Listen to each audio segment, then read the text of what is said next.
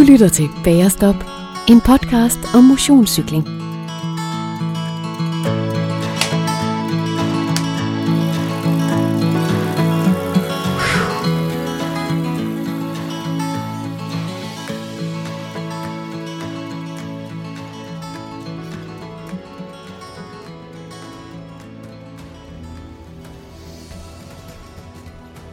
I hjertet af USA, i Colorado, svæver en helikopter over en åben slette. Under de ivrige rotorer på bunden af helikopteren hænger et videokamera. I samarbejde med helikopterens bevægelser forsøger kameraet at holde trit med et muskuløst antilopelignende dyr, der danser hen over det kuperede underlag, cirka 100 meter længere ned. Dyret blæser afsted hen over sletten mellem forskellige lavt voksende planter. Det særlige spidse gevir, det kraftige kranie og de smukke hvide og brune aftegninger afslører, at dyret, som forser det åbne landskab, en gaffelbuk. Eller på engelsk, en pronghorn. Den buller hen over sletten. Og ved eneste gang gaffelbukkens hårde rammer underlaget, frembringer nedslaget en lille støvsky, som stadig hænger i luften længe efter, at det lynhurtige dyr har forladt stedet. Selv på de flotte billeder i Superslow, der kan man ane, hvor hurtigt dyret bevæger sig igennem landskabet. Den veludviklede muskelstruktur kan anes igennem den smukke pels, men på trods af den kraftanstrengelse, hver eneste skridt kræver, så bliver den ved. Og ved. Og ved. En pronghorn er nemlig det dyr i hele verden, som kan holde den højeste gennemsnitsfart over lange distancer. Kun geparden er hurtigere. Men geparden mister langt hurtigere pusten end den her hurtige løber. Nu klipper vi til det østjyske, og nærmere bestemt til Stilling ved Skanderborg. Omgivelserne er ikke længere amerikanske åbne sletter, men en smuk lokation højt hævet over Stillingsø.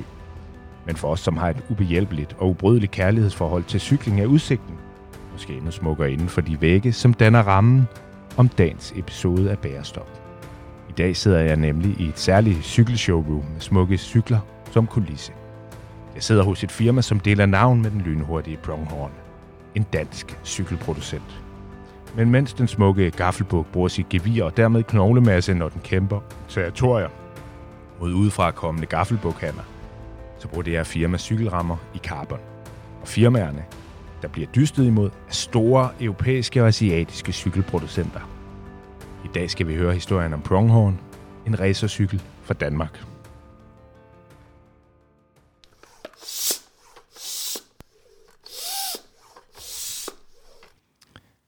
Ja, goddag og øh, velkommen til dagens episode af Bagerstop.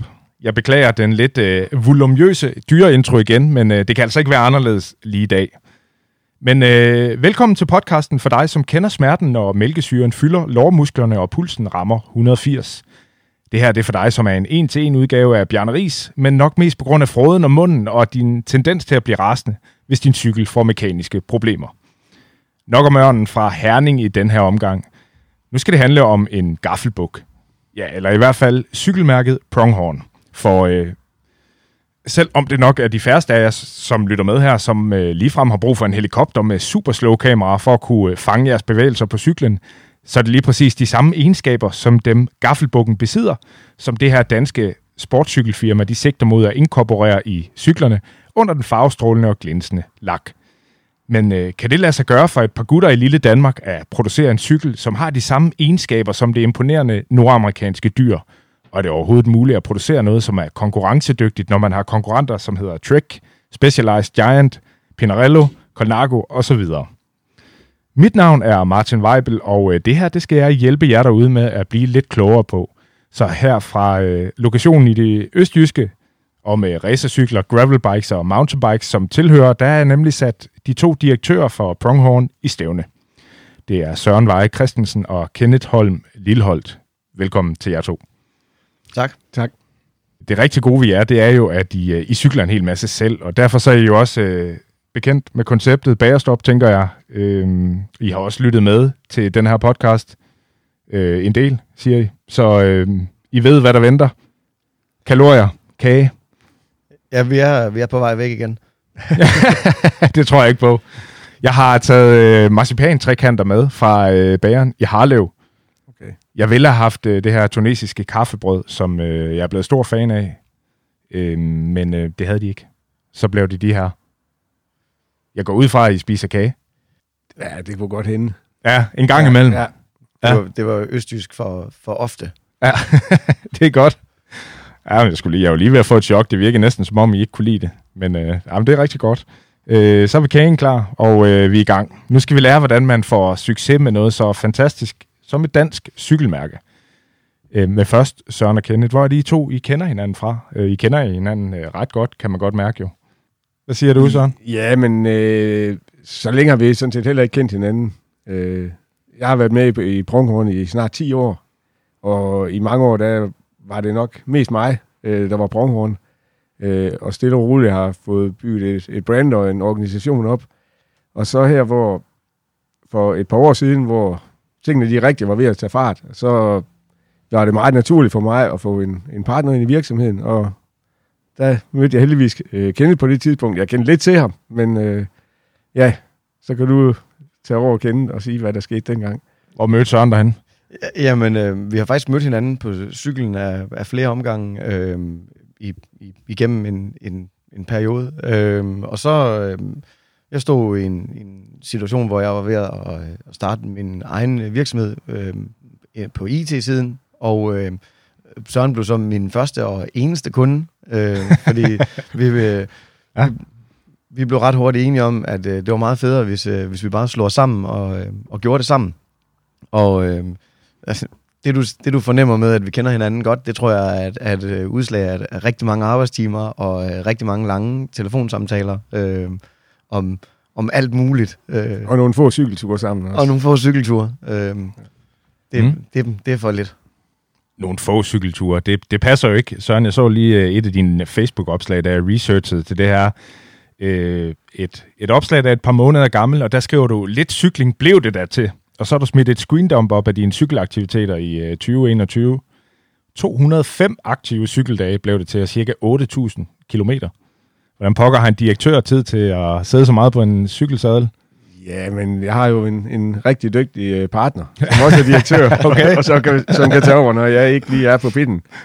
Øh, nej, jeg, jeg får cyklet en del, og jeg kører måske ikke så mange lange ture, i og med, at jeg kører, jeg kører nok mest mountainbike lige for tiden.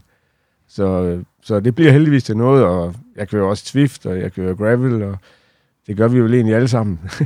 ja. alle aspekter af cykling, og det er jo noget af det, der gør cykling fedt. Det er jo, at man kan gøre det på rigtig mange måder. Mm. Og de er egentlig fede alle sammen på, ligesom på hver deres måde. Ja. Hvad med dig, Kenneth? Cykler du lige så meget som Søren? Mere. ja, jeg, vil, jeg vil nok lyve, hvis jeg sagde, at jeg ikke cyklede mere. Øhm, jeg, jeg prioriterer at komme afsted 5-6 øh, dage om ugen. Øhm, typisk så, vi har nogle medarbejdere, som er rigtig gode til at møde tidligt, øh, og de vil sige, at jeg møder sent, øh, og det gør jeg sikkert også, fordi jeg prioriterer så at komme afsted øh, halv syv, syv om morgenen, øh, og så lige få halvanden time på cyklen, øh, hvis, øh, hvis vejret nogenlunde tillader det. Så øh, det er jo en af de ting, der er fantastisk ved cykling, uanset om underlaget er, er skov eller grus eller landevej, så øh, øh er jeg i hvert fald øh, klar på en helt anden måde i hovedet, og øh, jeg har nogle kollegaer, der brokker sig over, at jeg får alt for mange idéer, når jeg, når jeg sidder på cyklen. Øh, og det er tydeligt, at der bliver bearbejdet nogle ting der, andet end, andet end bare øh, øh, vat og, og intervaller. Mm. Ja, det kan jeg godt genkende. Øh, vi sidder herinde i øh, direktionslokalet, skal vi ikke kalde det det. øh, lige på den anden side af, af væggen her bag os, der, øh, der er showroomet, hvor, øh, som jeg sagde, der er både mountainbikes og gravelbikes og, og racercykler dernede. Øh, du sagde øh, mountainbiken lige nu trækker, Søren. Øh, hvad, med, hvad med dig? Kenneth, hvad bliver de fleste ture taget på? Øh, altså kilometermæssigt, så er det, så er det længe landevejscyklen, der, der, der, der trækker det, men, men man kører også bare stærkere. Øhm, for lidt mountainbike. Øhm, jeg har en, en, en stor søn, der er i USA et år, øhm, og han plejede at trække mig afsted et par gange om ugen på mountainbike. Øh, havde nogle fede ture sammen. Jeg har ikke så mange, som jeg kører med lokalt mountainbike, og vil gerne være afsted med, med nogle stykker, når, når vi kører det. Øhm, så rigtig meget øh, gravel, især øh, på den her tid af året, men, men jo altså også, øh, gravel er for mig også en sommerting. Øh, det, er ikke, det er ikke kun en vinterting. Øh, så det er nok sådan noget... Øh, 40-40 øh, til gravel og landevej, og så en, en 20'er til, til mountainbike. Mm. Det er super fedt sted, I har her, øh, men øh, udover, ja, det er ikke kun fordi, vi sidder og spiser kage, øh, men I har lidt vokseværk. Øh, I har brug for nogle, nogle større rammer snart. Det går godt for Pronghorn. Hvor skal I hen af? Ja, altså, øh, vores koncept øh, med, hvor vi sælger direkte til slutkunden og ikke har forhandler, det betyder også, at, at, at vi skulle gerne være, være nemmere at komme til øh, for slutkunden og, og ligge nogenlunde centralt. Så vi kigger på at være et sted her i nærheden af I45 og gerne mellem, mellem Aarhus og Vejle. Øh, mm. Ja. Så det passer bedst i ligesom, logistikken, specielt for kunderne. Jo. Så, Ja, hvad med jer? Hvor bor I henne? ja, jeg bor i Middelfart. Og Jeg bor i Fredericia. Så øh, det er også logistikken for jer, det, det hjælper lidt på. Jo, jo, men, men vi har jo folk, der bor alle mulige andre steder og arbejder her. Øh, men, men det er klart, at Søren og jeg, vi bruger øh, mange timer på, øh, på landevejen i, i, i transport, men altså, vi har jo også et showroom i, i Middelfart. Ja. Så, så man kan sige, at vokseværket er jo, er jo på mange måder, det er jo en ting er, er nogle fysiske rammer, øh, men, og, og nogle fysiske rammer, der skal være til stede i, i Danmark i form af lager og produktion. Øh, men vi kommer også til at vokse på vores, øh, på vores online ting øh, og være tilgængelige for, for flere udenlandske kunder, end, end vi har i dag. Mm. Kenneth og Søren, øh, senere i episoden her, der kommer der nogle spørgsmål fra Bagerstops øh, lytter. Jeg har spurgt på øh, Bagerstops Facebook-side for et par dage siden, om der var nogen, som havde nogle øh, spørgsmål til jer, og øh, det var der heldigvis.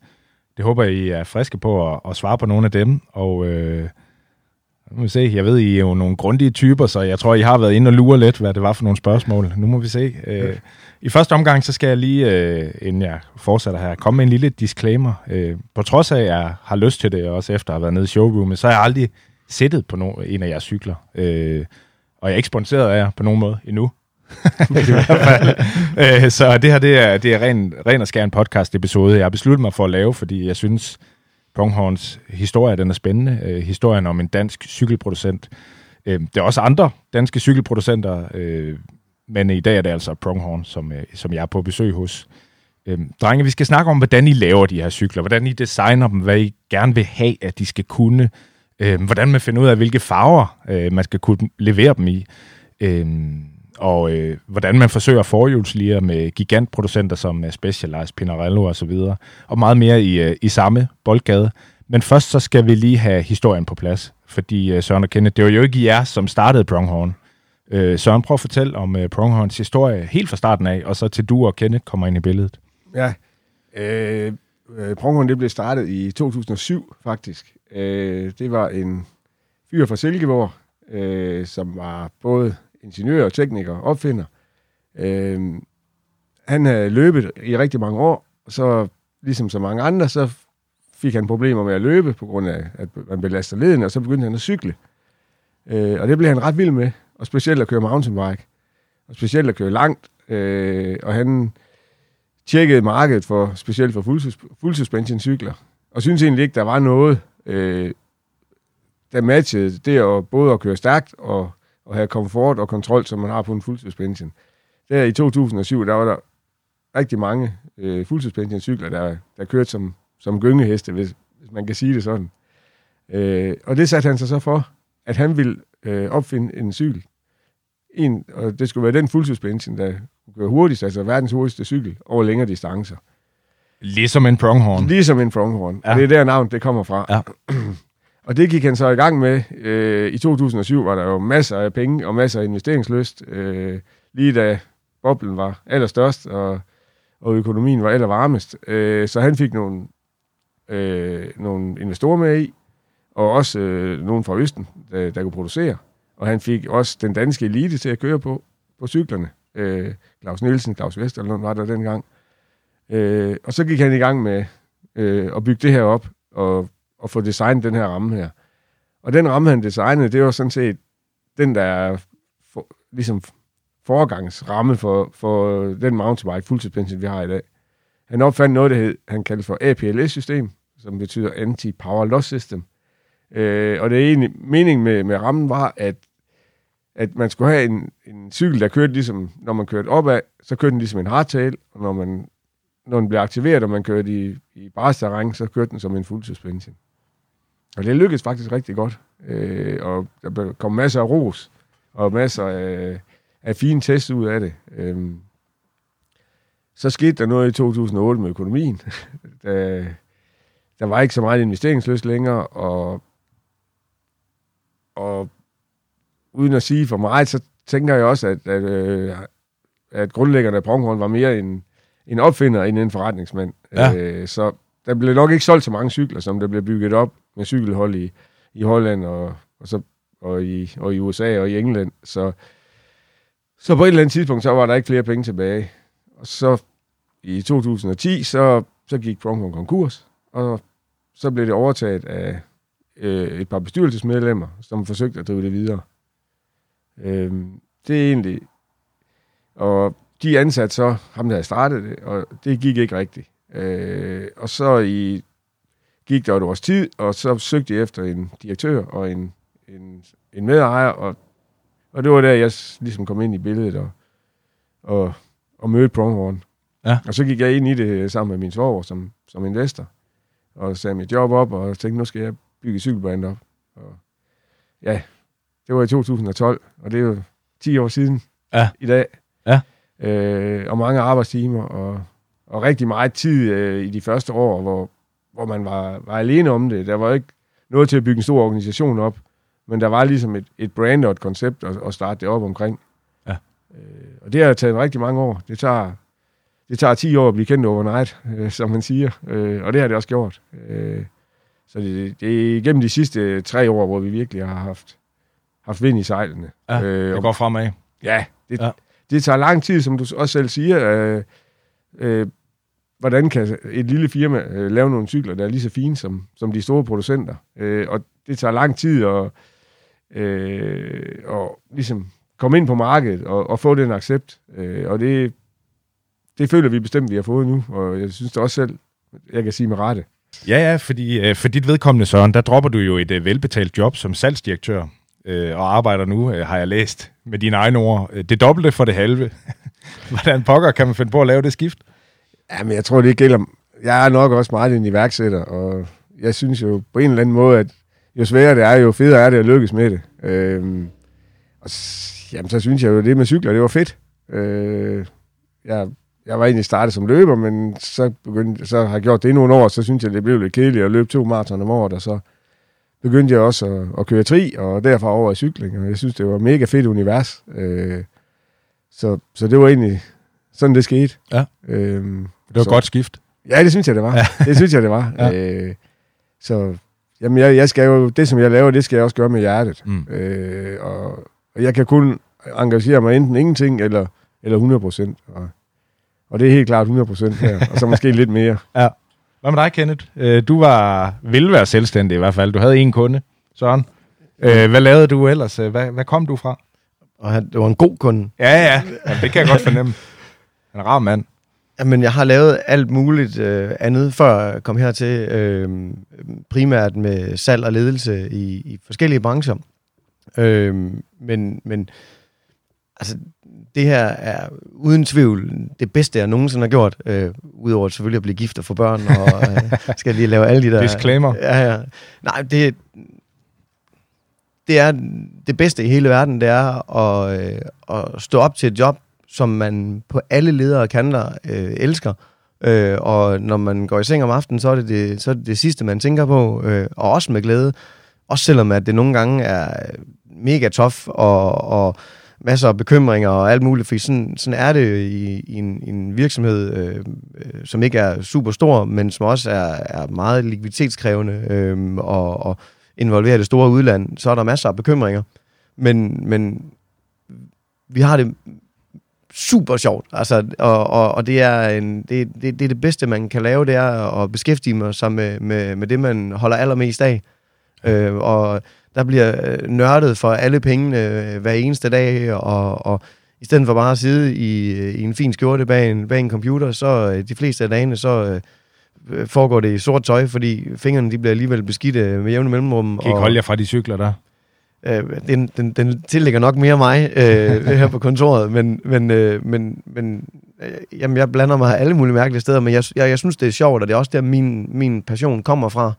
Øh, det, siden jeg øh, rørte en, en, en mountainbike første gang, øh, og oplevede at indlevere den til en, til en, til en cykelsmed og få den tilbage i, i, hvis ikke dårligere, så i hvert fald samme stand. Øh, så blev det sådan noget, det må jeg kunne gøre, øh, det må jeg kunne gøre bedre selv, og så blev der indrettet et værksted i, i kælderen, og øh, øh, så, så blev der øh, nørdet, nørdet skruer og, og dimmer og lejer og, ja. og sådan noget, ikke? Og, og hvor længe har du cyklet?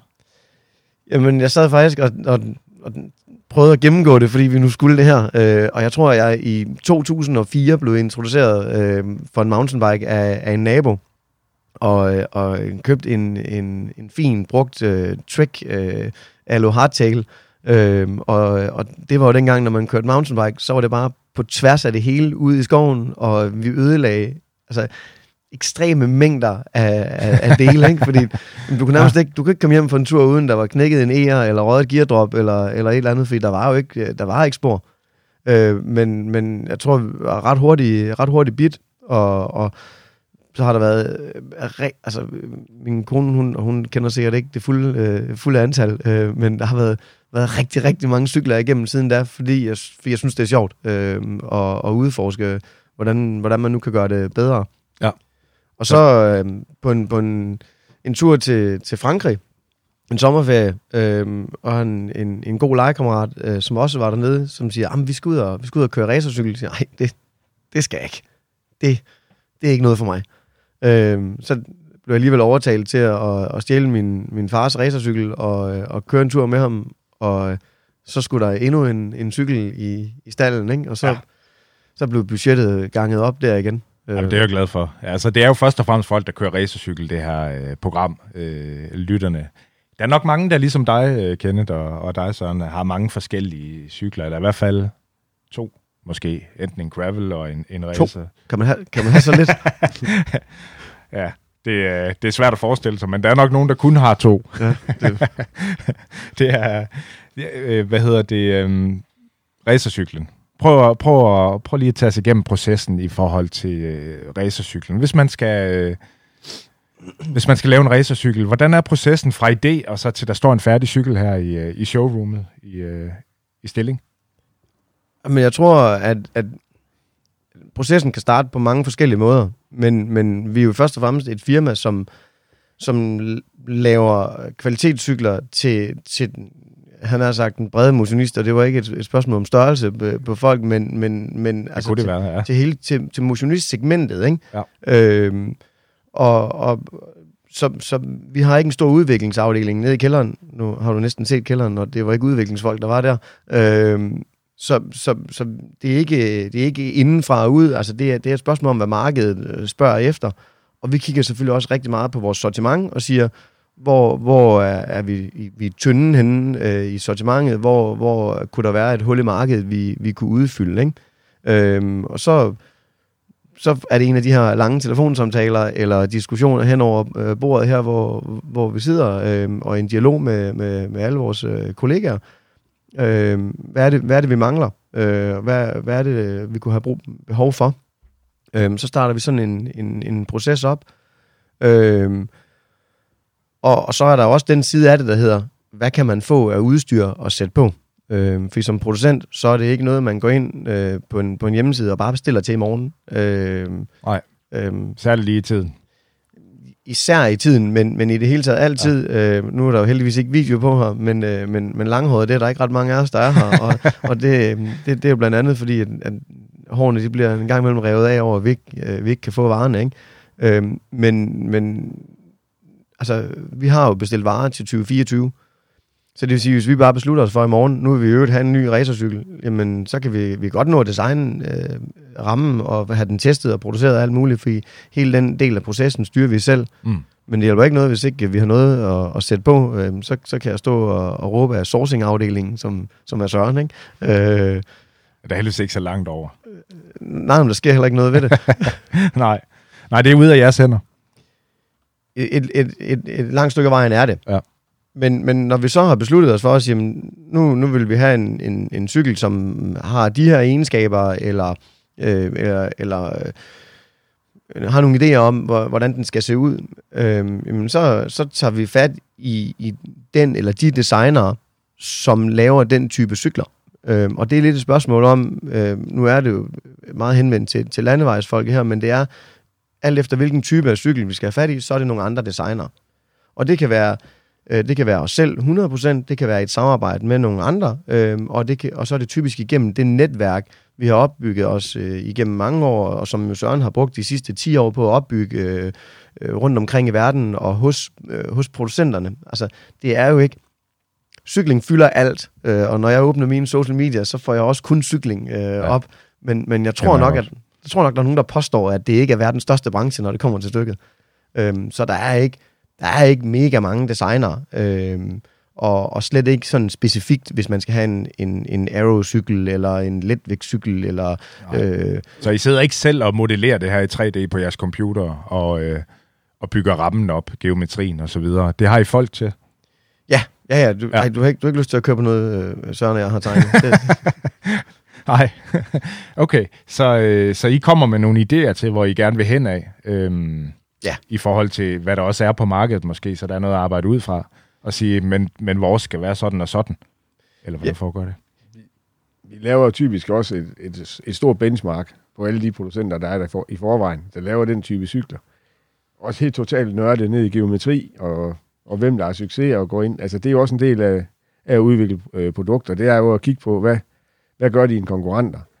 Øh, vi er jo ikke en, vi er jo heller ikke en størrelse, der, vi kan jo ikke have en, en, en kæmpe udviklingsafdeling øh, og, og, og 60 øh, ingeniører, øh, der skal være allermest banebrydende inden for, for tekn- øh, altså vindtunnelteknologi og så videre. Der er vi jo ikke jo. Men vi har bare et rigtig godt netværk af, af nogle dygtige designere, som inden for hver deres felt øh, kan designe nogle cykler, som, eller nogle rammer, som, som ligesom passer med det, som vi gerne vil. Øh, og så gør vi det. Ja, nogle gange gør vi det selv. Det har vores uh, mountainbike har vi gjort det 100% selv. Øh, øh, og det er også fedt at, at have sit eget, men det gør det jo ikke nødvendigvis til en bedre cykel, at, at der kun er os, der har, der, har, der har adgang til at producere i de her form her. Øh, så, så det gør det bare også dyrere. Øh, så. Ja. Okay. Så øh, er det ude i Asien, de sidder, de her designer? Øh, ikke designerne. Ikke designerne? Det, nej, det, altså det er jo typisk en designproces af en ramme. Det, det er lidt ligesom at bygge et hus, der er en arkitekt, og så er der nogen, der skal bygge det. Og det, designeren, han er jo lidt arkitekten, der kommer med alle idéerne og, og får, det, får det tegnet. Øh, så skal det jo spares op mod dem, der har forstand på faktisk at producere de materialer, som cyklen den skal laves i. Og de øh, mennesker, de sidder ude i Asien. Ja.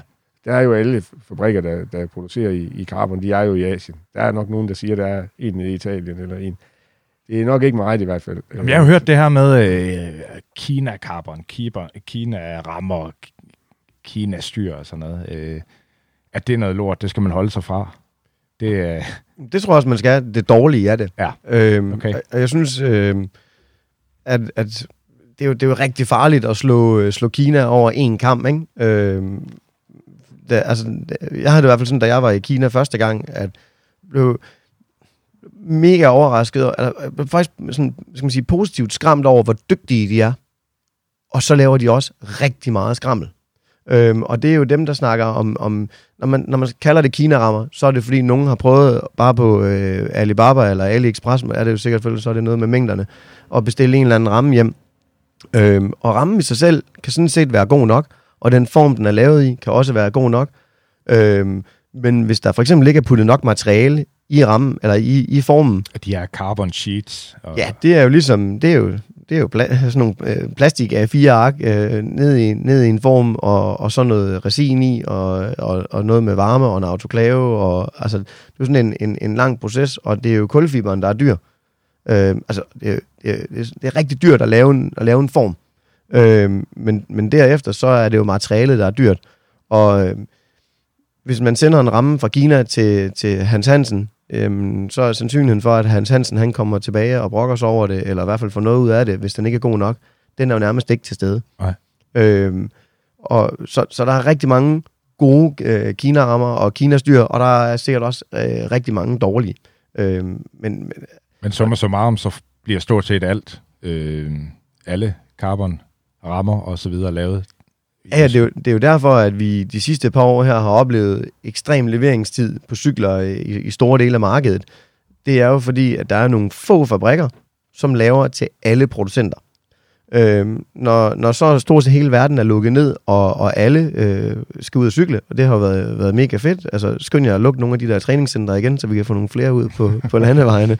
Øhm, så, så bliver der bare en, en ekstrem efterspørgsel. Samtidig så er mange af de helt store brands, de er også begyndt at producere elcykler, også i kulfiber. Og, og hvis, man, hvis man kun har en vis kapacitet købt ind i de her fabrikker, jamen så kan man kun producere en vis mængde rammer, ikke? Øhm, og, og det er så det, der rammer, øh, rammer hele verden. Det, det er den der efterspørgsel, fordi det er de samme steder, de kommer fra. Ja, okay.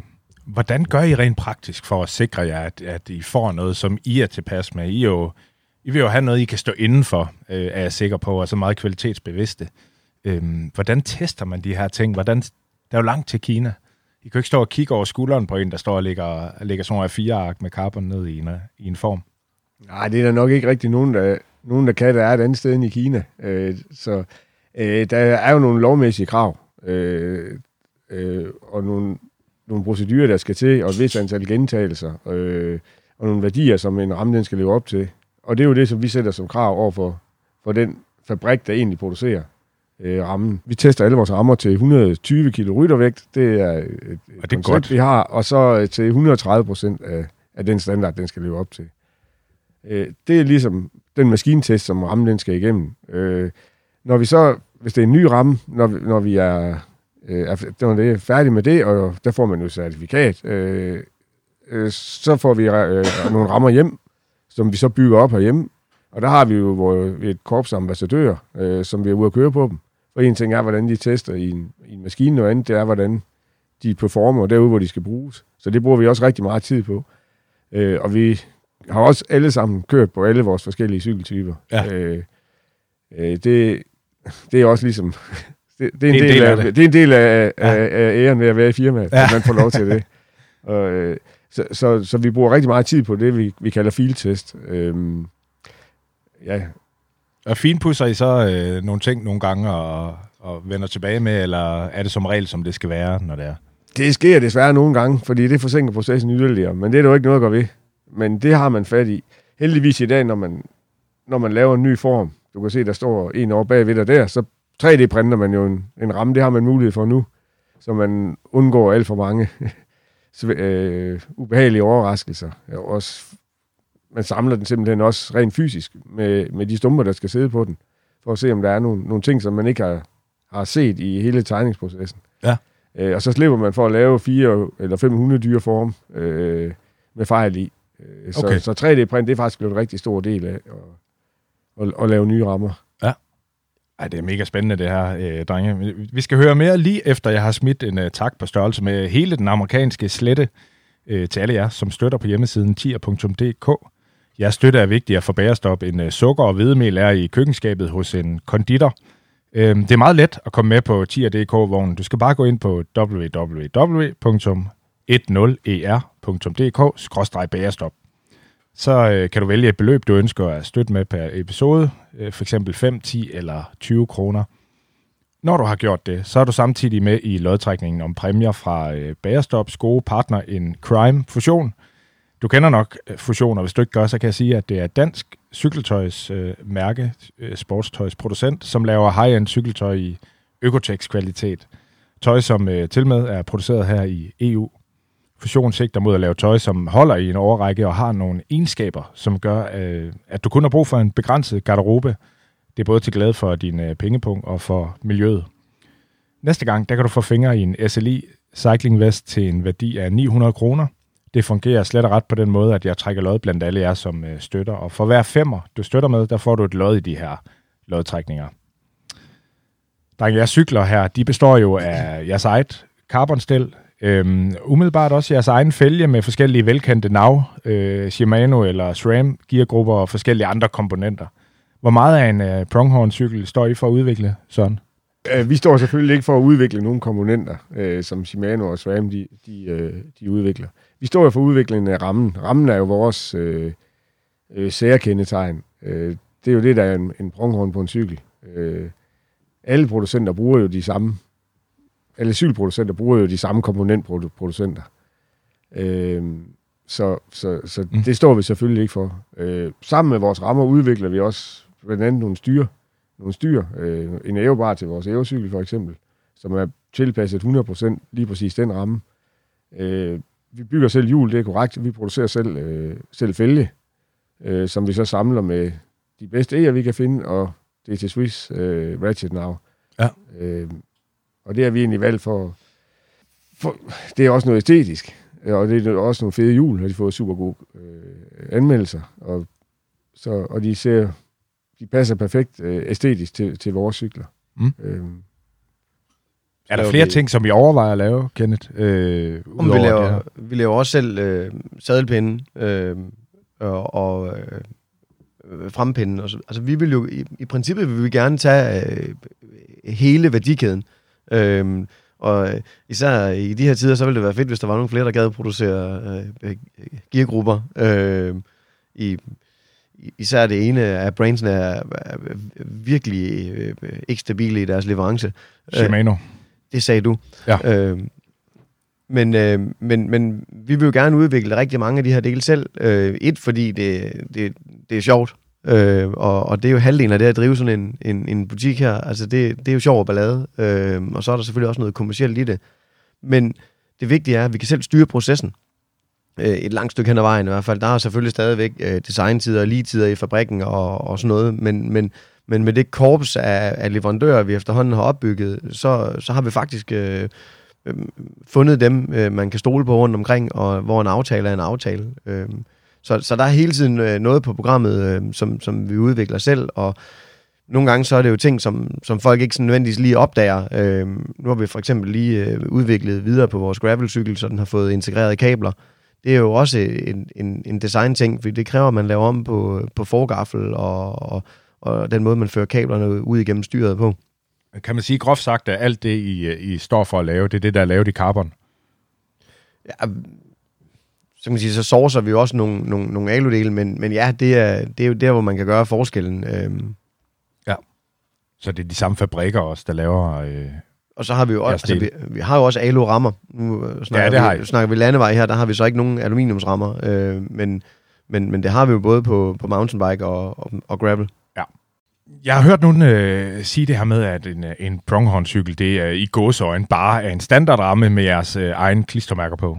Øhm, det er sådan, har stået på et par forum og sådan noget nu her, hvor jeg har siddet og googlet lidt. Er det rigtigt?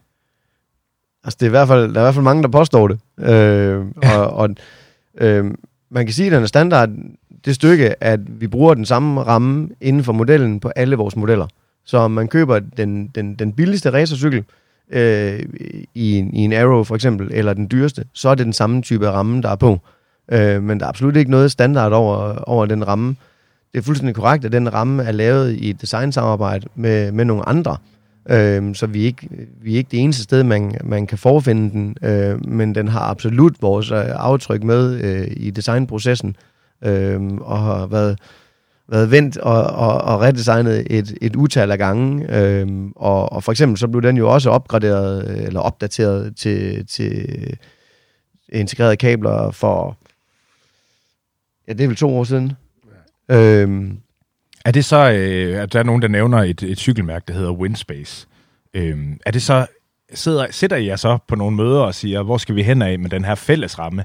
Jeg tænker, man kan, man kan sammenligne det lidt med det her øh, samarbejde, som øh, Toyota havde øh, med øh, Citroën og øh, Seat omkring øh, den her lille bil. Nej, det var ikke Seat.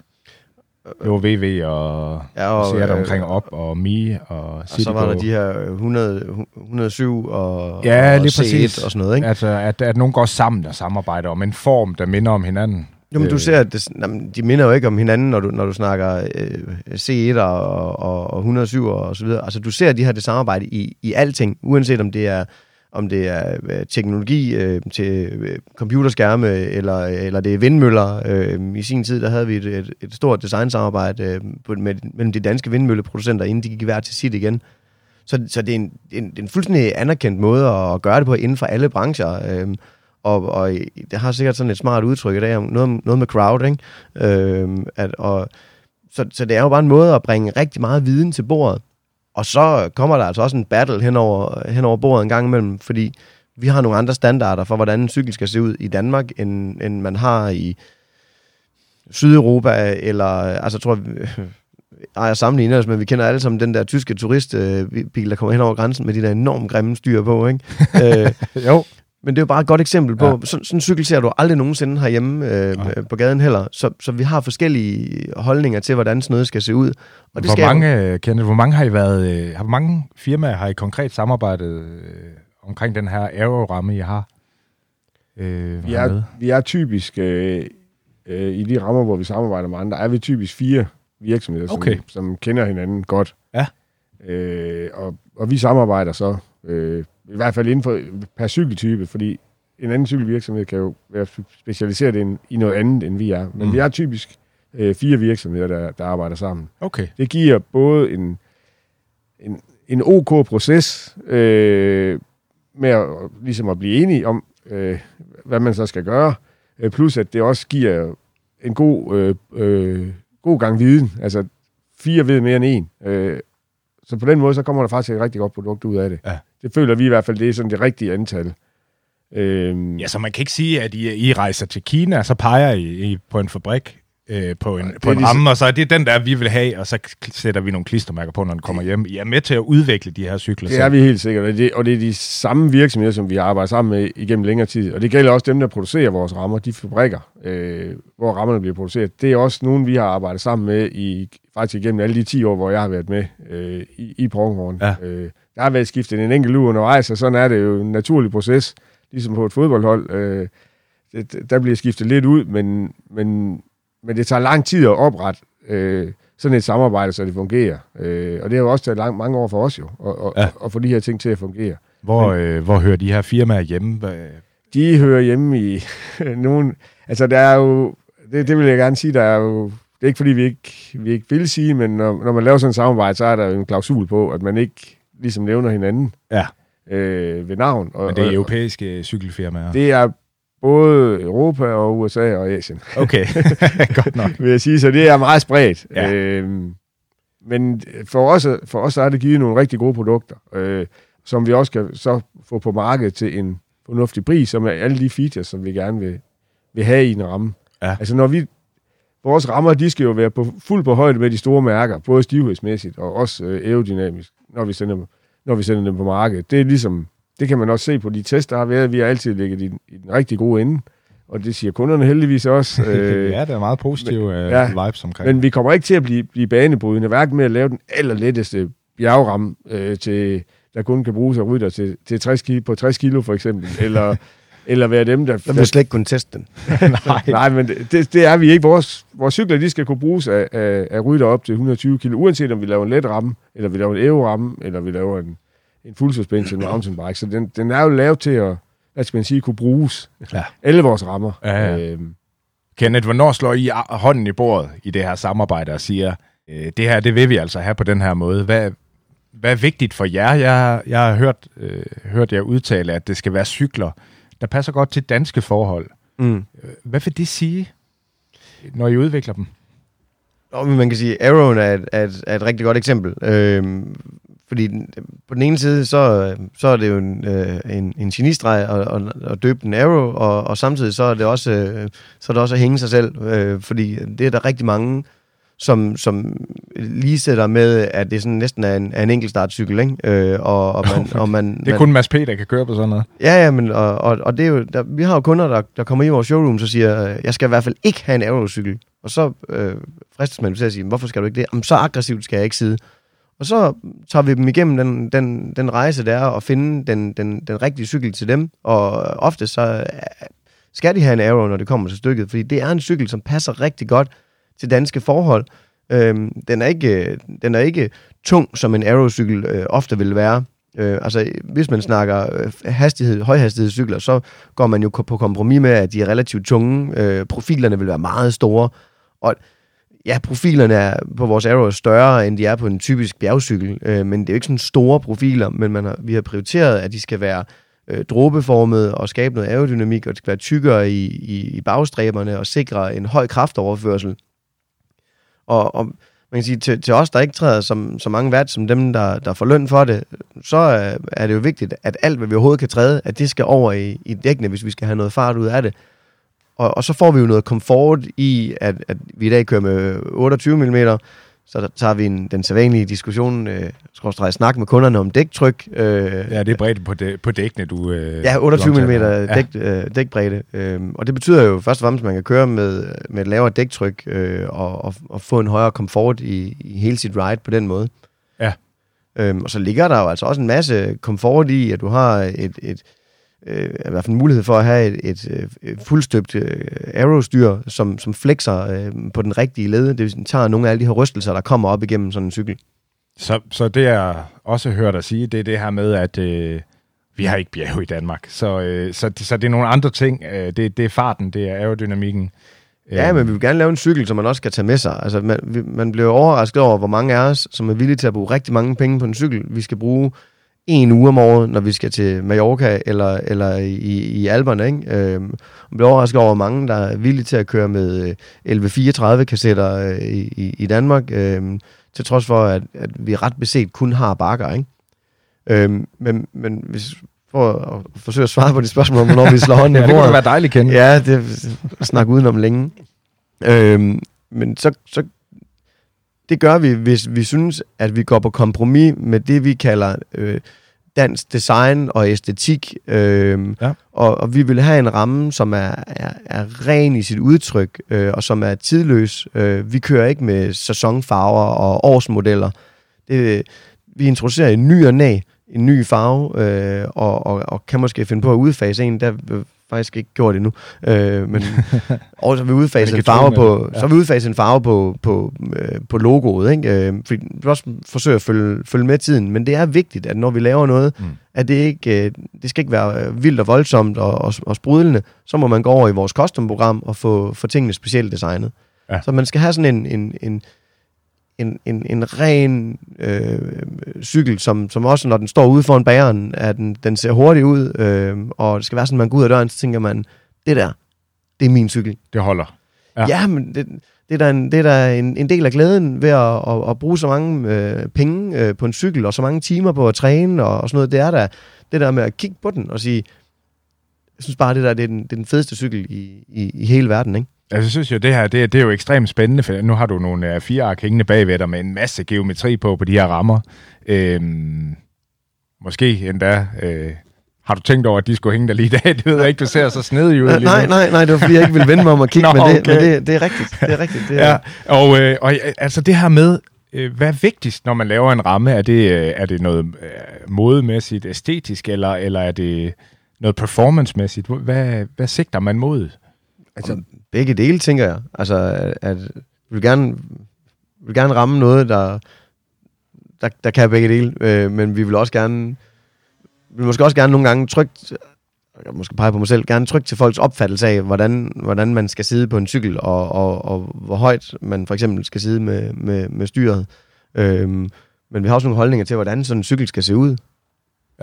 Hvad siger du, Søren? Hvad er vigtigt? Jamen, øh, vi, vi har jo også vi har nogle helt klare krav til, til, øh, til stivhedsværdier, at, at øh, det skal være i den absolute top, top ende af, af, af, alle. Altså, hvis man sammenligner med andre producenter, vi har nogle krav til, at vi tester til 120 kg ryttervægt og til 130 procent af, af, af, af standardværdierne. Så, så det er jo nogle helt klare ting, som, som vores rammer de skal gå efter. Det er nogle tal, ikke også? Ja, og, og hvis de, det skal de bare kunne. Og, og, og så, øh, som Kent han også siger, så, så, er, så vil vi nok godt lave nogle, nogle cykler, der er raceorienterede. Det har vi altid vildt. Øh, men alligevel så, altså de skal, vores cykler skal også, skal også kunne bruges af mange. Så derfor så, så skal det også være muligt at, at sætte dem op, så man ikke kun kan køre på dem som, som øh, World Tour rytter. Ja.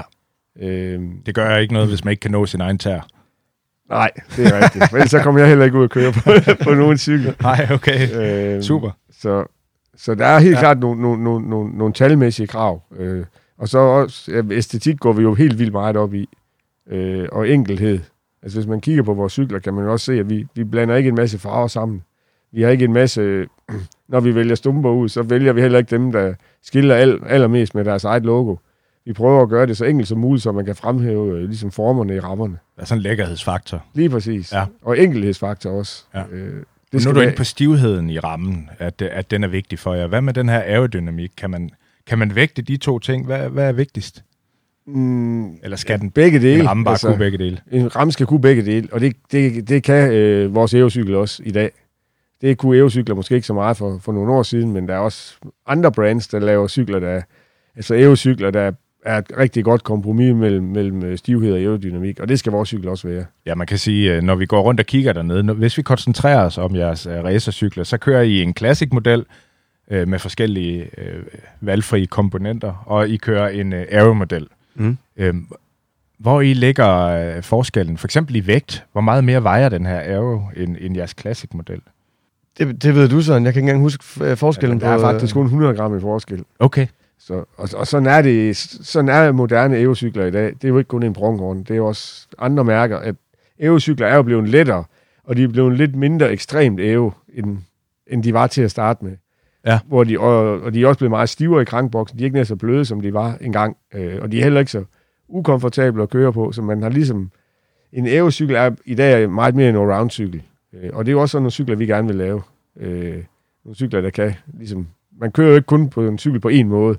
Altså, man kører jo ikke kun i modvind eller medvind eller helt flat. Altså, Helst i medvind, vil jeg sige. ja, det er rigtigt. Det, det kan noget. Ja. Øh, det, vores cykler de bliver også kun testet i medvind. Vi skal teste dem i hvert fald. ja, de er mega hurtige. Ja, I er mega Ja. ja. hurtigt, ja. Ja. Så, så, så det er, øh, en cykel, den skal kunne noget af det. Altså, den, den selvfølgelig har den, en- nogle ting, den skal være stærk på. Øh, en, en aerocykel skal selvfølgelig være aerodynamisk, men den skal også kunne alle de andre ting. Ja. Øh, så kan det godt være, at man må ofre 5% af aerodynamikken, eller, eller 10, for at også få, at den er stiv og let og, og god at køre opad på. Og det er ligesom vores, vores filosofi. Øhm, Ja. Det er også mange andre, der, der, der tænker den samme retning. Jo. Det, er jo, det er jo ikke noget unikt, at man gerne vil lave en cykel, der, der kan... Men det er i hvert fald sådan, som vi tænker. Og det er jo ikke, altså det, det, det er ikke vores plads i markedet at være, at være, dem, være først med det nyeste. Øh, Altså det, det, det har vi jo prøvet med, med, med, med vores øh, full suspension mountainbike, og det, det, er, det er virkelig tof, øh, og især som, som verden ser ud i dag, ikke, så, så, så er det virkelig tof. Øh, så det er klart, at, at både vi i, i, i vores egen opfattelse, øh, så, så når, man, når man tænker, det her det er en flot cykel, så er det jo også meget sådan, hvad, hvad, hvad er det, man ellers er vant til at se, ikke? Øhm, og, og det gælder også på designerne, som jo hele tiden sidder og ser, hvad, hvad laver deres øh, kollegaer rundt omkring i branchen. Så, så derfor så ser vi jo, at, at om der står det ene eller andet eller tredje øh, mærke på, på stillene i dag, så inden for den enkelte kategori, så ligner de, så ligner de øh, meget hinanden, ikke? Øh, Og det er jo ligesom, øh, kan man sige, med biler. Øhm, der, det, ja. de, de ryger jo vindtunneller, alle de her øh, biler, og så øh, ender det jo med, at, at øh, de får en bestemt form, fordi man regner ud, at øh, det her, øh, der er mest optimering. Øhm, får I også testet jeres cykler i vindtunneller? om jeg tror lige præcis omkring vindtunneller og, og, og, Ja. biler, så øh, vi har jo ikke en brændstoføkonomi, øh, som, som Åh, jeg har lige spist en kage, og Ja, den jeg har øh, godt set, altså brugt øh, hurtigt, hvis... Øh, du skulle passe på neglene der, det gik stærkt. Øh, ja, det gjorde det. øh, men, men, men når man snakker øh, biler og, og, og forbrændingsmotorer, så er det jo rigtig meget der, man snakker aerodynamik. Og det, det er jo simpelthen et spørgsmål om øh, at få dem til at køre længere på, på literen. Øhm, og vores rammer bliver øh, fra fabrikssiden testet på alle mulige øh, mærkelige måder. Øhm, og og øh, der bliver lavet beregnet windflow-test henover. Det er ikke nødvendigvis hver model, der, der, er, en, der er en decideret vindtunnel, men man har jo en lang række computermodeller for, hvordan sådan noget her bevæger sig henover. Og det er jo det første, der sker, når vi siger, nu vil vi gerne have et, et kronrør, der, der er 15 mm højere, øh, fordi at, at der alligevel kommer spacer under, eller, eller et eller andet. Øh, eller vi vil gerne have sadelpinden til at se anderledes ud. Jamen, så skynder man sig at køre sådan en animation henover og sige, hvad er det så, der sker med, med, med cyklen, ikke? Altså ligesom den der diskussion om, skal man have barberet ben eller ikke barberet ben, og der er, det, ikke, er det ikke lige meget, hvad vi siger, så er det 12 watt eller, eller sådan noget, ikke? det må det være. Øh, men, Ja. men ansigtsbehøring, det, det kan man ikke måle nogen steder, Nej. for der er alligevel så meget vindmodstand der. Og jeg, jeg tror, at, at en meget, meget stor procentdel af det danske motionistfelt, øh, vi kan nok finde øh, optimeringerne rigtig mange andre steder. Øh, Det er noget vrøvl. ja, ja, men altså, nu nævnte du sikkert. selv øh, Bjørn Ries til at starte med, ikke? Han Jo. sagde, at vi skulle starte med at træde med begge ben, og det, det, der er sikkert flere værd at hente der. Øh, men, men det bliver nogle animerede m- Ja. modeller øh, et, et langt Okay. stykke hen ad vejen. Ja, så man smider det ind i, i sådan nogle computermodeller, og så, øh, så, så regner Ja, som, som jo er opstået fra, fra, fra vindtunnellerne. ja ja. Jeg vil også sige, at den, øh, den designer, som vi samarbejder med på landevejscyklen, er lige præcis øh, en designer, der har et baggrund i, i Formel 1, så, som har arbejdet rigtig meget med de her ting her. Og det er jo ikke en, vi har ansat, men det er jo en, som, som vi bruger i det her, og som også... Altså, der er jo mange, også de store brands, der bruger øh, eksterne designer, specielt på nogle modeller. Der er også mange af de store brands, der har fælles øh, komponenter og fælles dele af rammer, øh, ligesom der er også inden for, for bilindustrien. Øh, så, Ja. Om, og de bliver også del, deldesignet, sådan en cykel. Øhm, altså det, hen over tiden, og det er ikke sikkert, at folk lægger mærke til det, men så skifter man størrelse på kronrørslejerne for eksempel. Og det er jo ikke sådan en designer, som vi bruger til at tegne cyklen. Øh, han sidder ikke og tegner eller definerer størrelsen på, på, på de her. Det bliver nogle, nogle, nogle gængse normer, øh, fordi man finder ud af, at det kan være med til at skabe stivhed, at man ikke længere kører med forskellige størrelse lejer for oven og for neden i kronrør, eller øh, så bruger man en anden type krankboks for at hjælpe på stivheden og sådan noget. Så, så der er rigtig mange dele med i sådan en, i sådan en proces. Øh, de seneste år har det jo trukket til, at man skal have større og større dæk på, ikke? Øh, så, så det giver også nogle, øh, nogle, nogle andre dele af processen. Så får du pludselig en cykel, der bliver højere fortil. Så hvis man er lille, så, så får du en anden, øh, nogle andre øh, mål på cyklen. Ikke? Altså, så, så bliver det sværere at lave en, en cykel til en på en meter 60, øh, hvis man vel og mærke skal kunne stå hen over cyklen, fordi den bliver enormt høj fortil, hvis du skal have, kunne have 30 mm øh, dæk på eller sådan noget. Så sådan, hvis nu man tog uh, Mads Petersen og, og fjernede ham fra hans track Arrow og satte over på en pronghorn Arrow, vil han så kunne køre uh, 10 km lige så hurtigt på jeres cykel som på, uh, på tracken? Altså, jeg er sikker på, at, at, at hvis vi skal hjælpe Trek og Kim Andersen, og, så, skal vi, så, skal vi sige, så skal vi sige nej, men, men det, er, det er jeg sikker på, at han, at han vil kunne. Altså, når vi er nede og snakke det der, så er det, så er det marginaler, ikke? Øhm, så, så jeg kan ikke forestille mig andet, end, end at, at dem vil han også køre sindssygt hurtigt på. Ja. Og vi vil da gerne se ham, øh, se ham, Se ham prøve. se ham spurte ned af, af Storvældsbroen øh, til sommer øh, på, på en pronghorn. der er vi nok ikke helt endnu. det er dyrt at komme ind i sådan et samarbejde der. Det er måske også uh, lidt spild af penge at betale for verdensomspændende eksponering, når man ikke har, har distributionen endnu. Ja, distributionen er sælger I, uh, sælger cykler andre steder end i Danmark, Søren? Ja, det gør vi. Uh, for nuværende er det, er det ret sporadisk. Uh, vi har egentlig valgt at koncentrere os om at, at udvikle det danske marked. Det er meget nemmere at sælge nogle flere cykler der, hvor man allerede er, og hvor man allerede har et navn. Og det, det er det, som vi har gjort nu. Men vi har bestemt en masse planer i støbeskeen. Øh, jeg synes også, vi har fundet den rigtige måde at gå til markedet på med, med vores direkte, til, til slutbrugeren øh, distribution og vores øh, showrooms og vores øh, muligheder for individuel tilpasning, øh, eftersom vi først bygger cyklerne, efter vi har solgt dem. Mm. Det, det koncept vil vi meget gerne tage udenlands, øh, og det går vi også og pynser rigtig meget på lige nu. Men det skal være det rigtige tidspunkt. det skal være det rigtige tidspunkt, og det bliver nødt til at være, være planlagt øh, to år i forvejen, fordi at det tager bare, der er jo minimum 24 måneders leveringstid på, på stumper, og, og før man har stumperne, giver det jo ikke mening at bruge en masse penge på markedsføring. Altså, jeg synes, jeg ser flere og flere pronghorn-cykler ude på, øh, på landevejene, når jeg er ude at cykle. Også ude på grusstierne. Øh, hvor, mange, øh, hvor mange sælger I? Vil I ud med det? Ja, vi har vi solgte sidste år øh, 1000 cykler. Sådan. Det er meget rundt tal, ikke? Men, men, Ja. i, men i den omegn. Ja. Og øh, langt flest øh, landevejscykler, og dernæst øh, gravelcykler og mountainbikes, som man ser dem rigtig mange steder, og du vil også øh, se dem, ja, som sådan siger, sporadisk i, i udlandet. Vi har, øh, vi har solgt lidt i, i, i Sverige, vi har et, et, et showroom, som har åbnet en lille smule i, i, i Sverige, ikke? Øh, og der kører noget rundt i, øh, i, i Holland og i Dubai, og altså, så, det er sådan solgt lidt rundt omkring i, i, i verden, men det har jo været en rejse på at finde ud af, hvad er det for et koncept, øh, for der er jo øh, andre, som er forgangsmænd på det her online-marked, øh, som jo på den ene side er vores allerstørste konkurrent, øh, som vi altid bliver benchmarket op mod. Mm. Øh, men også vores allerstørste samarbejdspartner, øh, ja. eller ikke samarbejdspartner, men altså medspillere i hele det med at gøre det legitimt og normalt at handle noget trods alt så, så, så dyrt og, og, og essentielt som, som, som sin nye cykel øh, online, ikke? Ja, det, Øhm. det er sådan nogen som øh, Canyon og, øh, hvad hedder de? Jeg vil ikke sidde her ude ved alle mine Nej, nej, nej, men, øh, men, Men ja, altså, kan- eller dårligere end jeres cykler. Nej, Can- Canyon er jo, er jo i, i vores optik øh, langt, den, langt den største. Øh, Ja. Og der, der er masser af andre, der også gør det, og der findes jo også firmaer som, som os, som, som forsøger at, at, at gå den her vej.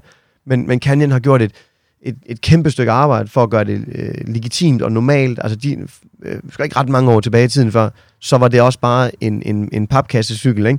Øh, og, og, og den, de har brugt rigtig mange penge på at, at nå det til, hvor de er i dag, og, og de har nogle, nogle, nogle, nogle lækre cykler og nogle lækre systemer, og på mange måder er forgangsmænd for det. Øhm, og vi har jo så sagt, jamen, vi tror på, at noget af den filosofi, de også bruger, er vejen frem, men vi tror også på, at det her det er et, et, et personligt køb, øhm, som man har behov for at lige at kunne sparke dæk, se, hvad er en aerocykel egentlig, skal jeg have en øh, 56'er, eller en 58'er, eller en 54'er, øh, hvis jeg skal have mine kabler integreret, øh, hvor lang frempind skal jeg så have på, øh, jeg skal måske have målt min eksisterende cykel op, eller...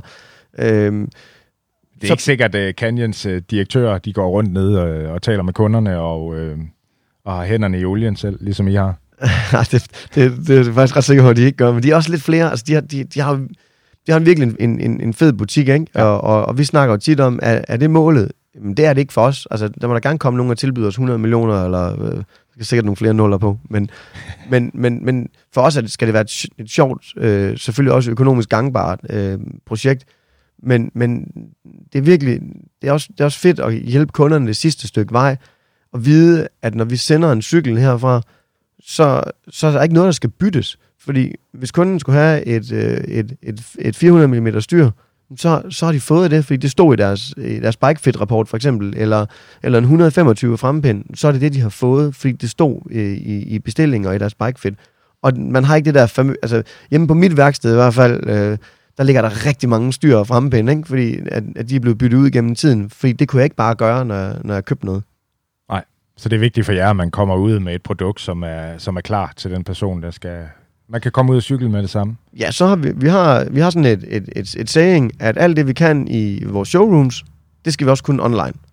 Og, og der, er vi, der er vi jo ikke helt nu, fordi vi er heldigvis rigtig dygtige som mennesker, ikke? Jo, jo, du har lige øh, serveret kaffe for mig, det var også svært online, ikke? Og, og så er jeg ikke sikker på, at vi når dertil, Nej. men, men vi vil gerne, den vejledning, vi, vi, vi, vi, vi giver, den viden, vi har omkring størrelser og sidepositioner og sådan noget, uden at være bikefitter, for det er vi ikke.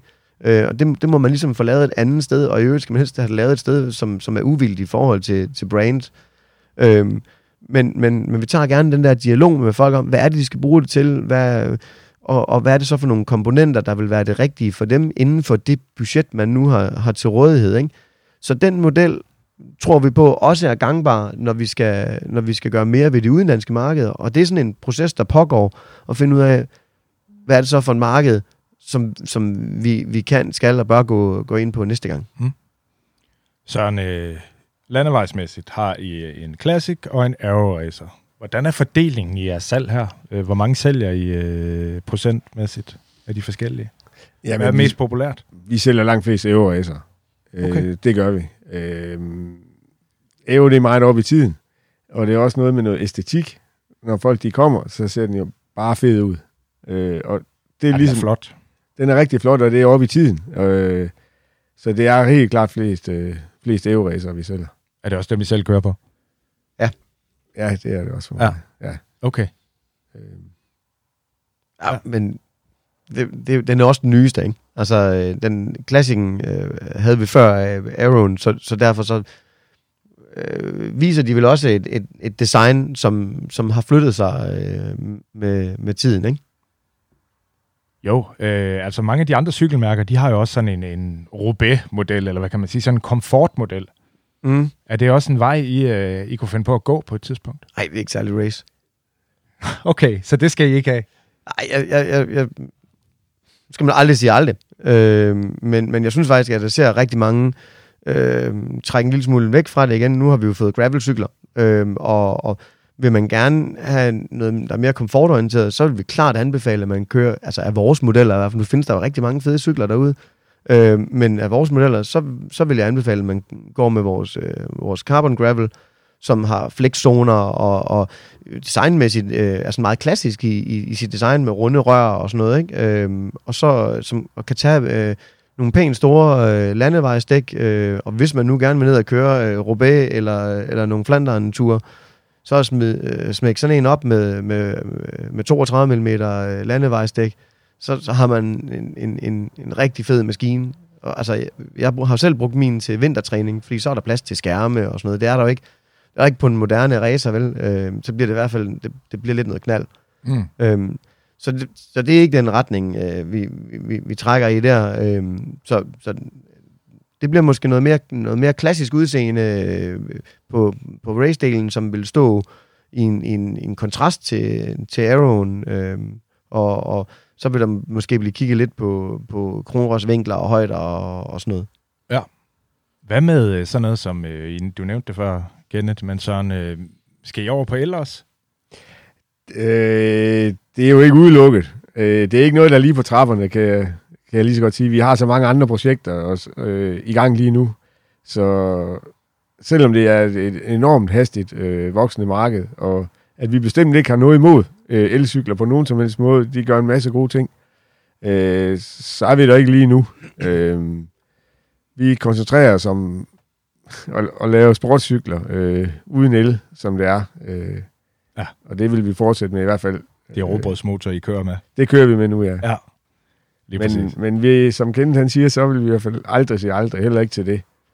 Altså, der er ingen tvivl om, at, at det er jo det, det er også en af de ting, der bliver, der, der bliver vendt hen over bordet, eller når vi går i war room, som det så fint hedder, og, og, og, og svinger idéer op, og øh, plejer at tage forbehold for, at vi har lov til at synes, at vores egne idéer er rigtig dårlige. Ikke? Øhm, og vi er faktisk rigtig, synes vi selv er rigtig gode til at have de her kreative processer. Og el er jo noget, vi, vi jævnligt vinder. Øhm, det, det er bare en helt, helt, helt anden forretning. Altså, det er først og fremmest nogle, nogle andre mennesker, du skal have ansat, fordi øh, det er nogle andre problemer, du vil støde ind i, i forhold til stivhed og holdbarhed. Det er pludselig elmotoren, der går i stykker. Jeg tror, at til Danmark er, er, er e-mountainbike nok det første, vi kommer til at se sådan stik mere af. Det er jo mange steder allerede stukket, stukket lidt af i nogle segmenter. Ikke? Tager du sydpå øh, til, til, til alberne og så videre, så øh, er, mit bud vil være, at 80-85% af de cykler, de leger ud, er, er el-mountainbikes. Øh, men kigger vi på landevej og, og gravel, så jeg har faktisk nogle, nogle gange, når vi har været sydpå, øh, så lejede sådan en til min bedre halvdel øh, for at udligne, skal man sige, så kan vi køre med, med golfhandicap, ikke? Mm. Øh, så det betyder så bare, at jeg får virkelig tæv, når vi kører opad. øh, men men, men det, er, det er en fed måde at være, være sammen øh, om det på.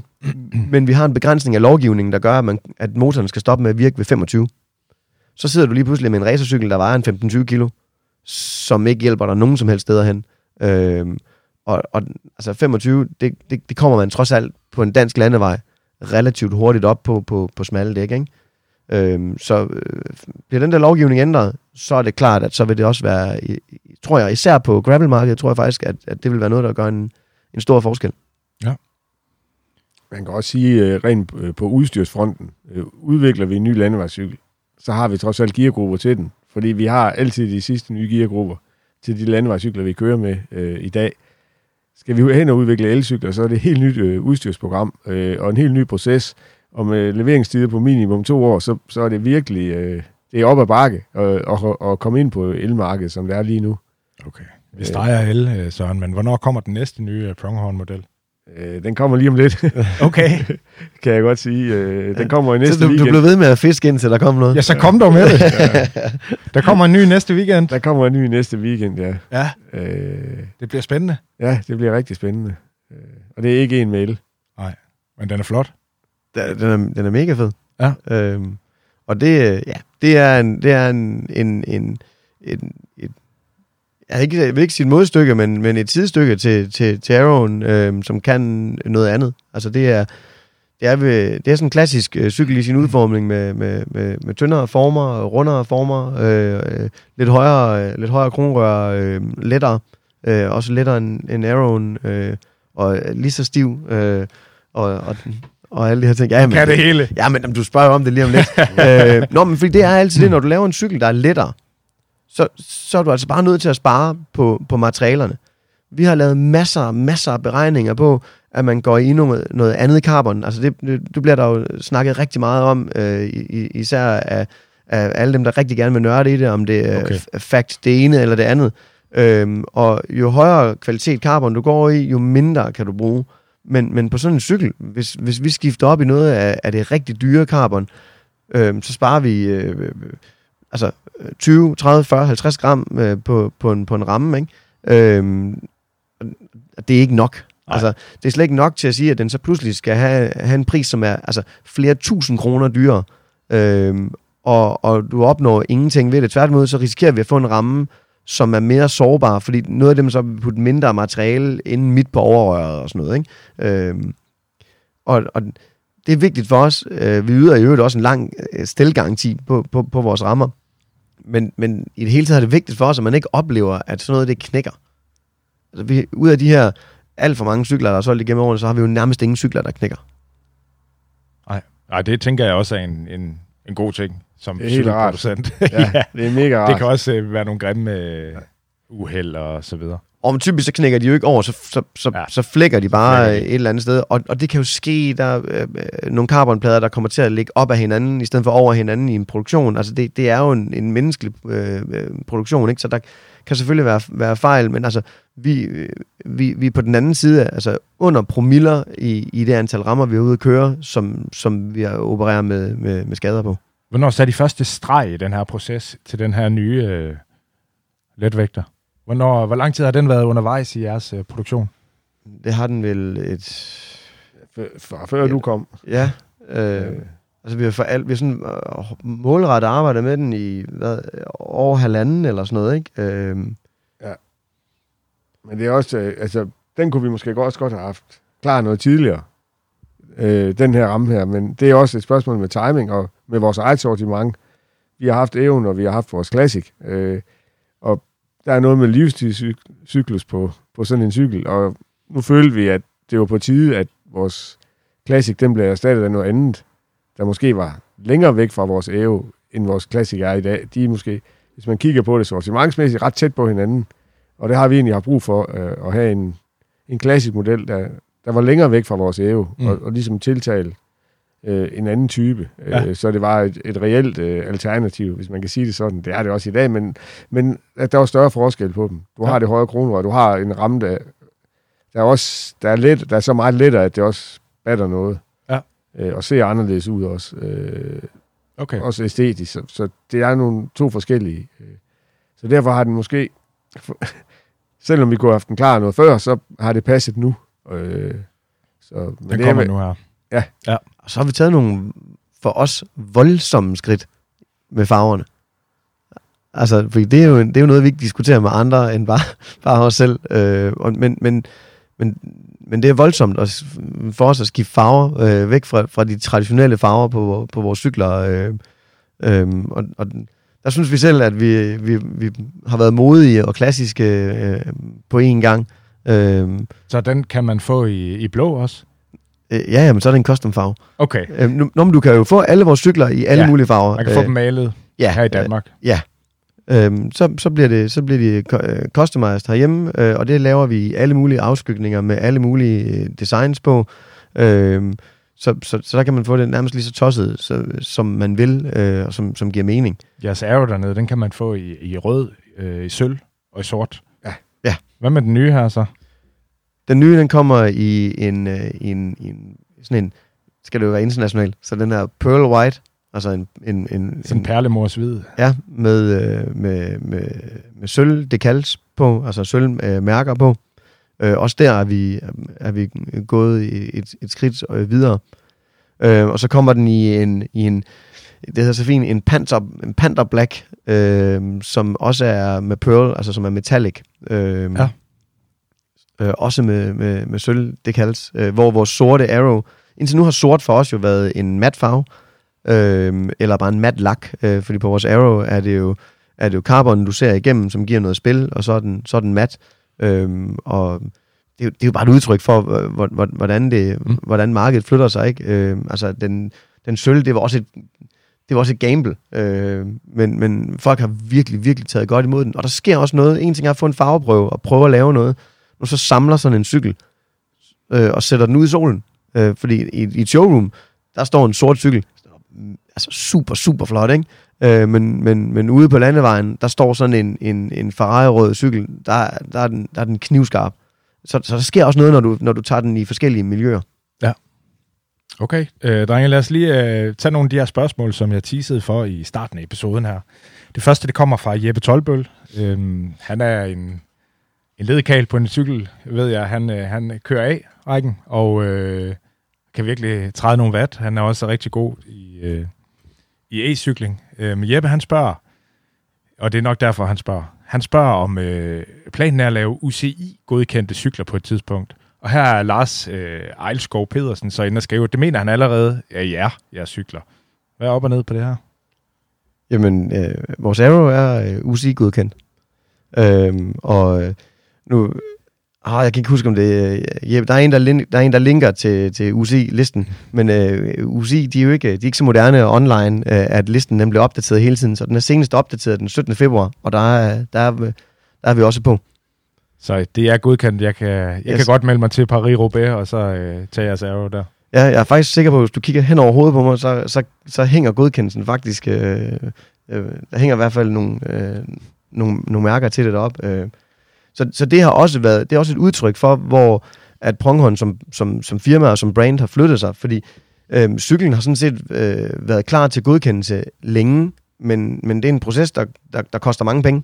Øh, og, og det er, hvad det er. Altså, det er, det er en, en, en økonomisk proces. Øh, man skal dokumentere, at den kan holde til, til stresstestbelastninger, og, og den overholder nogle mål og, og sådan noget. Ikke? Altså, så det er jo faktisk dig, der har siddet med det meste det er dig, af den har proces. fået det igennem sådan. Ja, altså det er bare en rent formel proces, fordi at, som Kenneth han også rigtig siger, så har vores ramme været, været øh, det, der hedder UCI-legal hele tiden. Øh, vi har bare ikke betalt for at få den proces, som det er at få et UCI-mærke på. Og hvorfor det er, det en fordel? Hvorfor er det vigtigt? Jamen, det, det gør jo ikke nogen forskel for cyklen. Den kører jo fuldstændig lige sådan, som den hele tiden har gjort. Men, men, men det er ligesom sådan en, en blåstempling. Øh, og UCI, det er jo en pengemaskine. øh, og ja, det koster så nogle penge at, at komme igennem den her proces, men så får man en, en blåstempling, og det har vi valgt, at på nuværende tidspunkt, der, der, der er det nu, vi skal gøre det, og, og, mm. og det har vi så også gjort. Og det er måske også, vi ser os måske også på et eller andet tidspunkt, at at vi også gerne vil involveres i et cykelhold, som kører UCI-løb. Øh, det bliver ikke lige nu, øh, men øh, det, vil, det har vi i hvert fald gerne vil gøre os klar til. Hvornår, er det, hvornår skal man have en UCI-godkendt cykel? Hvor højt skal man op i niveau? Jamen, så skal du køre UCI-løb jo. Ja, simpelthen. Altså, øh, Conti, Pro Conti. Øh, ja. Øh, jeg er faktisk ikke super meget inde i, inde i det, og man kan sige øh, helt sikker på, at øh, noget, der minder om, om et højt antal, i 90'erne procent antal af vores, af vores kunder, er det, er det sådan øh, ligegyldigt. Øh, ikke sikkert, ikke, ikke nødvendigvis mentalt, men, men, men altså løbsmæssigt, fordi der er ikke nogen motionsløb, øh, hvor det her det er, det er et krav. Man kan godt stille op i øh, hervejsløbet, selvom man ikke har Det kan man sagtens. Ja. Og, og øh, lad mig mod, som, som det store danske løb, ikke? Altså, du kan stille op i alt det her. Ja. Så, så du, du, skal køre på, du skal køre på et, et, et hold, som i, i, et, i et vis omfang er, er professionelt, før at, at det er muligt. Men som Søren siger, så er det jo, man ved jo, hvad der skal til for at gøre den UCI legal, og det vil sige, når rammer bliver designet, så er det jo noget, man tænker ind i processen og siger, at de her mål og vinkler, placering af krankboks i forhold til sadel og sådan noget, dem sørger vi for, at man overholder fra starten. Yes. Så er det et spørgsmål om at sætte processen i gang, og, altså ansøgningsprocessen i gang hos UCI, og det tager en 3-4 måneder, og så har man sin klistermærker. Og overføre så. nogle penge. Ja, overføre nogle penge. Ja. det er et vigtigt, øh, ja. vigtigt step.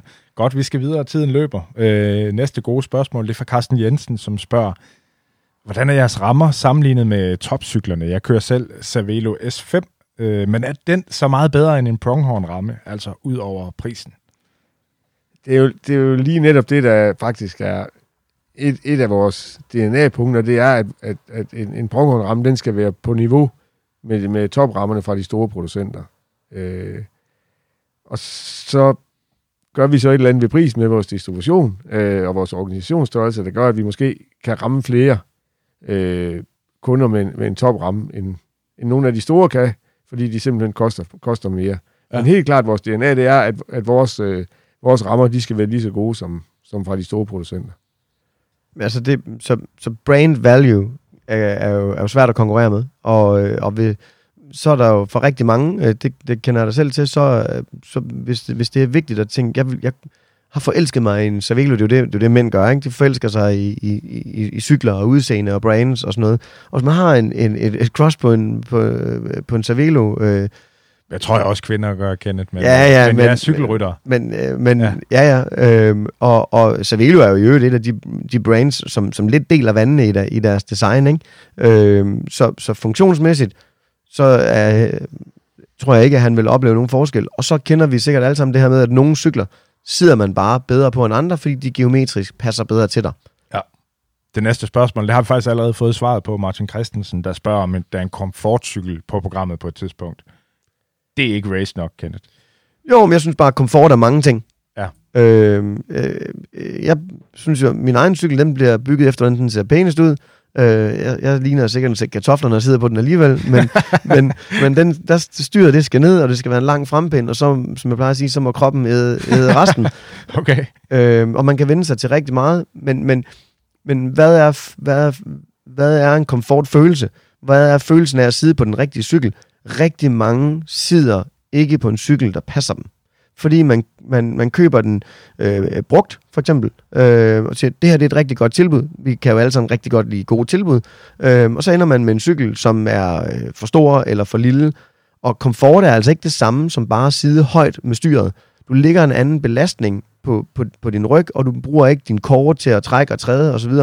Og, og nu bevæger jeg mig så ind på noget, som, hvor der er mange, der er rigtig meget øh, klogere, end, end, end, end jeg er. Men, men, men det der, det er, en, det er en rigtig lang snak. Mm. Og heldigvis er, er, er det jo eksploderet med, med bikefit. Altså, det, det, det, det er vanvittigt, så mange, der får, får lavet øh, bikefits i dag. Øhm, og det må man så håbe, at det blandt andet hjælper dem i den retning. Men det er jo også en proces. Altså, du sidder sikkert anderledes på din cykel, når, når sommersæsonen eller forårssæsonen starter her, og du går fra at køre øh, øh, 10 timer om ugen til at køre 20 timer om ugen, så ændrer du din position på cyklen. Okay, godt. Så Men- er men- der... Ja, så. Ja, jeg, jeg vil bare sige, at, at øh, vi, vi kommer aldrig til at lave en, eller aldrig, nu skal man aldrig sige aldrig igen, men, men vi, det er jo ikke vores DNA at lave en cykel med et, et mega højt kronrør, hvor du kan, sætte, hvor du kan have din, øh, de styr lige så højt som sadlen. Men derved kan vi jo ikke være, øh, sige, at vi ikke vil pille ved kronrørshøjden og lave nogen, altså tilnærme os. Altså ligesom vi, vi benchmarker altid, når vi laver nye, når vi laver nye cykler, så vil vi også gøre det i det her tilfælde. Så så på et eller andet tidspunkt kan det jo godt være, at vi begynder at, at lave kronrøret en anelse højere, i hvert fald på nogle modeller, øh, så man også kan køre med lidt færre spacer under. Under styret. Ja. Så er der Christian Hallager, som spørger, hvornår er et mærke, øh, brand, dansk? Øh, vi har også været inde på det, det her med, er rammen et unikt pronghorn-design udviklet på egen bane, øh, eller er det udviklet af fabrikken derude et sted? Det er interessant, hvor grænsen går. Meget bekendt af en pronghorn. Ind over design, jeg kunne godt tænke mig at høre om det. Øhm, og Morten Lykkegaard, han skriver så dertil, øh, ind på, øh, på Bagerstops Facebook-side, at der er ingen tvivl om, at designet er det samme som cykel ved navn Windspace. Øh, han har selv modellen, og den er fantastisk. Øh, og man kan sige, det har I jo været inde på, hvordan det her det, øh, det foregår. I, I laver det i samarbejde med, øh, med nogle andre. Ja, i hvert fald, Øh, øh, i hvert fald den ramme, der har vi gjort. Den ramme, ja. Ja.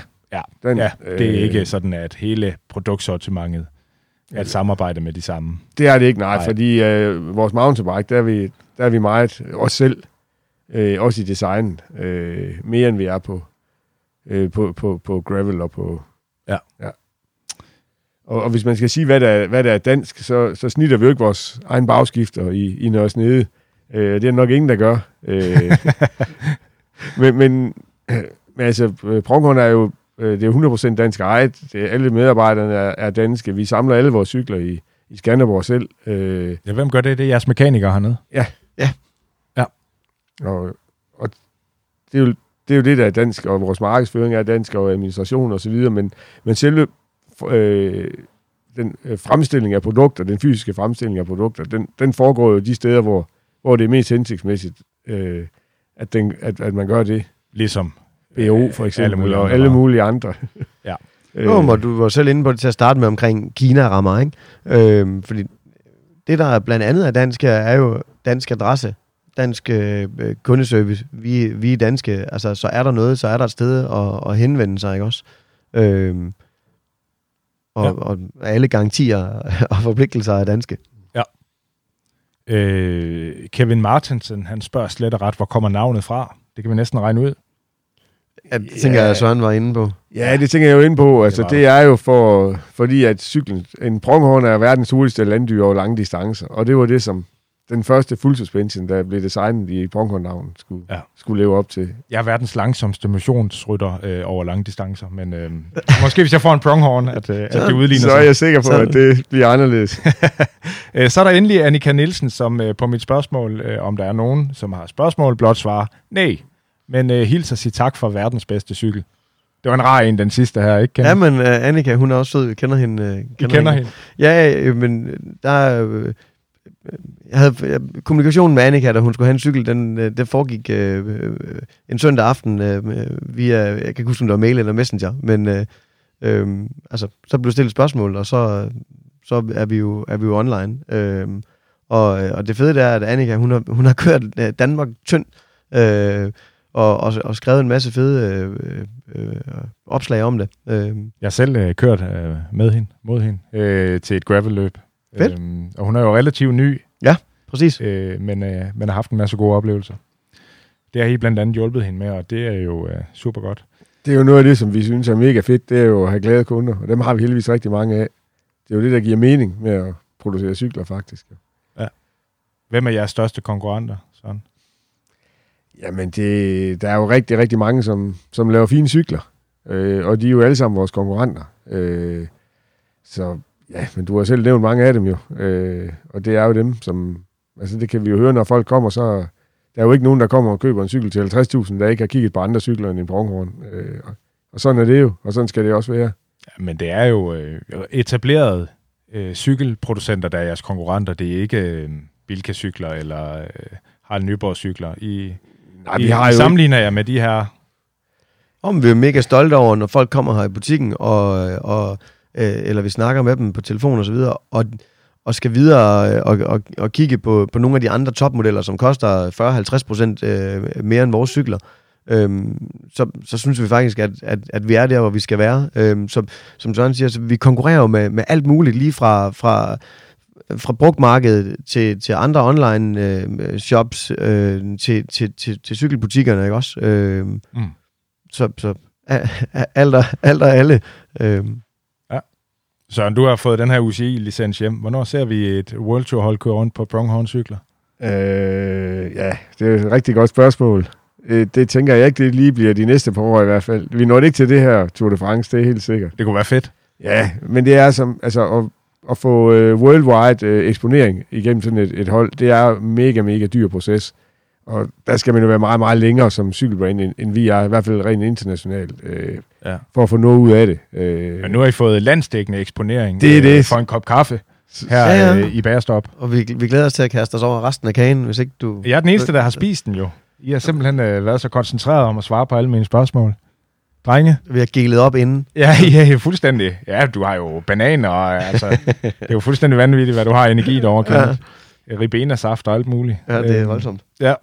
Drenge, tak fordi øh, jeg måtte komme på besøg hos jer her i, øh, i Stilling, og øh, kigge lidt, klappe lidt på jeres cykler og sparke lidt dæk, og, øh, og tale med jer om den her spændende historie, I har. Øhm, lige til sidst, Søren, hvor er I hen om, øh, om 10 år? Når jeg træder ind i øh, jeres nye, ikke så nye på det tidspunkt, showroom, øh, hvor er Pronghorn cykler henne i markedet der? ja, 10 år, det er jo rigtig, rigtig langt Det er ud lang i tid. fremtiden. Øh, Jeg overvejede, om jeg skulle sige 5 eller 10 år, men jeg valgte 10, fordi så kunne det blive mere fantastisk. Ja, øh, og det, det ved jeg faktisk ikke, hvor vi er. Øh, og jeg ved heller ikke, om jeg er stadig. Der er nærmere jeg må de 70. Øh, Selvfølgelig er der det. så, øh, så Hvad Men det er siger i hvert fald vigtigt. Du har lidt mere øh, armbevægelser her, Jeg har ikke... jeg. Jeg, ja, oh, tak. Øh, jeg, er heller ikke, jeg når heller ikke 70 om 10 år. Øh, men, men vi er, vi er forhåbentlig et, et, et, et, et rigtig fedt sted, øh, og, og, øh, og til stede på en, på en lang række udenlandske markeder også, øh, men, men med den samme DNA som i dag, øh, for det er det, der, der er beslutningen, at der skal gå med videre. Godt. Ved I hvad, drenge? Jeg vil sige uh, tak, fordi jeg måtte komme. Tak, fordi I vil være med i uh, Bærestop. Jamen, tak fordi du vil komme. ja, selv tak. Super godt. Også til ta- uh, tak til dig, kære lytter. Tak, fordi du var med på endnu et Bærestop. Uh, husk at gå ind og abonnere på Bærestop, der hvor du uh, lytter med. Så får du automatisk besked, når der er nye episoder klar af podcasten her. Gå også gerne ind på tier.dk og find Bærestop, og så støt med et valgfrit beløb, hvis du ikke allerede er hjælperytter. Tilbage er der bare at ønske dig nogle fantastiske øh, ture på de danske landeveje. Nu er det forår, øh, og så er det sådan set uanset om turene de er foretaget på en Pronghorn-cykel eller et helt andet mærke. Tak for i dag.